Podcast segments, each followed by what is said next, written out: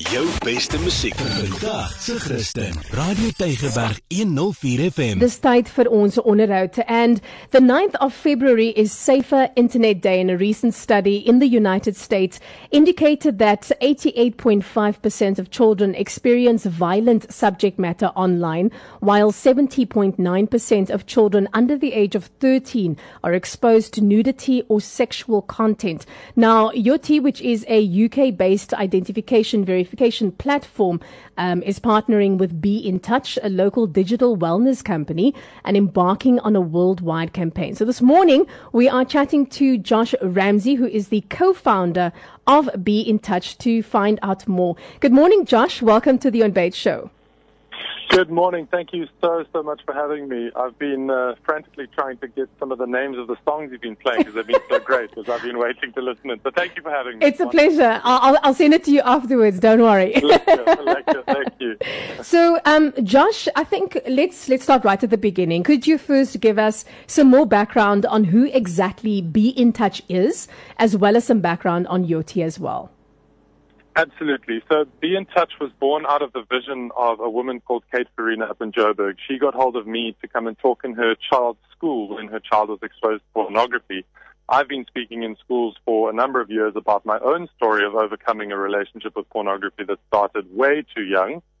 And um, that was where we got going, and we've done some really interesting work. We've just launched a collaboration with Discovery Vitality to help their members improve the way that they relate to their digital devices. And we know that everything is just getting more and more digital. So we need to be aware that our digital wellness is a really important part of maintaining a, maintaining a balanced lifestyle. Um, so, so then true. Yoti, yeah. Yoti, we met up with. Uh, I was in Dubai attending an, an e-safety summit, and I connected to a wonderful company called GoBubble. Um, they they do safer social media for under 13s, and they partnered with Yoti, and Yoti does age estimation technology, so protecting children from places they shouldn't be online. Uh, you know, we really need a digital solution to a digital problem because there's just too much access. Mm. Josh, morning. It's yeah. Mike here. Um, f- can you tell us some a bit more information, or give us a bit more information on this campaign, uh, this worldwide campaign? Absolutely, Mike. How's it? So Yoti has successfully implemented an age estimation technology. And, and just to be clear, before we go any further, mm. it's not facial recognition. It's not identity. It is age estimation. So it's a purely algorithmic an- analysis of a photo. So they've got a very successful and accurate, up to one and a half years in accuracy analysis of photos above the age of 18 or above the age of 13, apologies. And so now they are looking to train their AI to be able to identify, uh, accurately identify children between the ages of about 5 and 7 to 12. And so they're looking for 50,000 consented photos of children that are submitted with their month and year of birth mm-hmm. so that they can train their algor- algorithm to be able to accurately identify what age these, these, these photos are. And I give you the practical application is that you know, everything that we use our devices for was designed by adults for adults. And somehow we think that children will just kind of be okay with that. You know, mm all of those click here if you're above 18 um, landing pages that people just swipe through or just enter your, your age to get access to some social media platform or whatever the case is. Mm. So with this technology in place, if you wanted to access adult content, you would have to then submit a photo to prove that you're over 18. It's not your identity. It's just simply an algorithmic an- analysis of your photo. Plus, you know, children for schools, uh, you know, separating areas where predators are trying to groom on children or send nude pictures. It just creates a very tangible gate. It's the school gate which currently we don't have online. There's no Very school true. game. Yeah. yeah. And and I must say, I mean, I'm a, a mother to an eight year old and a five year old, and if there's one thing that concerns me, especially now with COVID, I mean, they've been sitting online so much. I've literally have yep. to scan everything. It is crazy what is out there. It's crazy what's online.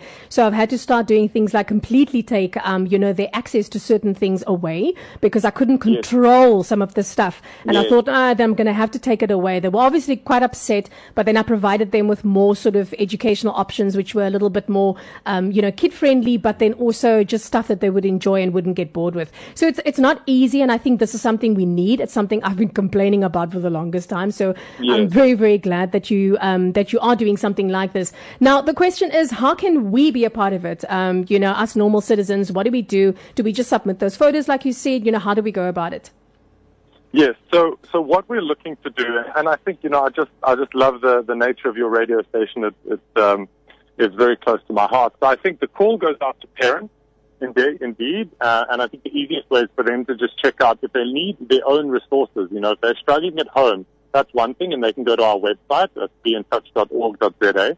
Um, we've got lots of resources for them there. But specific to this campaign, through our Facebook page. That's really where we're going to be pushing the, the, the most amount of content and shareable WhatsApp messages and all sorts. So on our Facebook page, that's Be Touch, B-E-I-N-T-O-U-C-H dot org dot Z-A. That's really going to be the hub of our, of our campaign launching. So they can go and like our page and hang around there and we'll be posting um, the next steps very simply there. And what's involved is that parents will go through to a link that'll be on our Facebook page. They'll take a photo of their on the, of themselves. They will verify that they're an, a parent, and then they'll take a photo of their child and submit that through. They'll get sent a unique reference code. If they ever want to delete those photos, they will be done immediately. And as I said, it's not about identity. Mm. So that's that's the first angle. That's for parents to feel a part of this digital village, to protect our our digital children out there. But I think you know your wonderful network of churches and and and communities that want to get behind this. We mm. would love churches to reach out if they're having an issue with, you know, pornography in their communities. Yeah. That's something we can help with. But also, you know, to get behind these WhatsApp groups. I mean, I'm a part of a few of them myself, and I know how powerful small groups of parents and, and, and church communities are. So if you do run one of those WhatsApp groups or you run a church, reach out to us on Facebook, drop us a message, and we will send you all the resources that you need for us to hit this milestone and protect children globally. And that's, that's really what is so important is that if we can get 50,000, we can protect 500 million. Oh, amazing. You know, it really is a, it's a scalable solution. Mm. Yeah. Amazing. Josh, thank you so much um, for joining us. Unfortunately, that's all we have time for this morning. Um, I'd actually love to chat with you longer.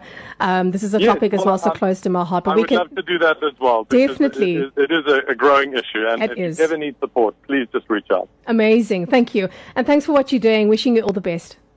And to you guys, have a wonderful day everyone. Right, ciao ciao, bye. Jou beste musiek vir vandag, se Christen. Radio Tygerberg 104 FM.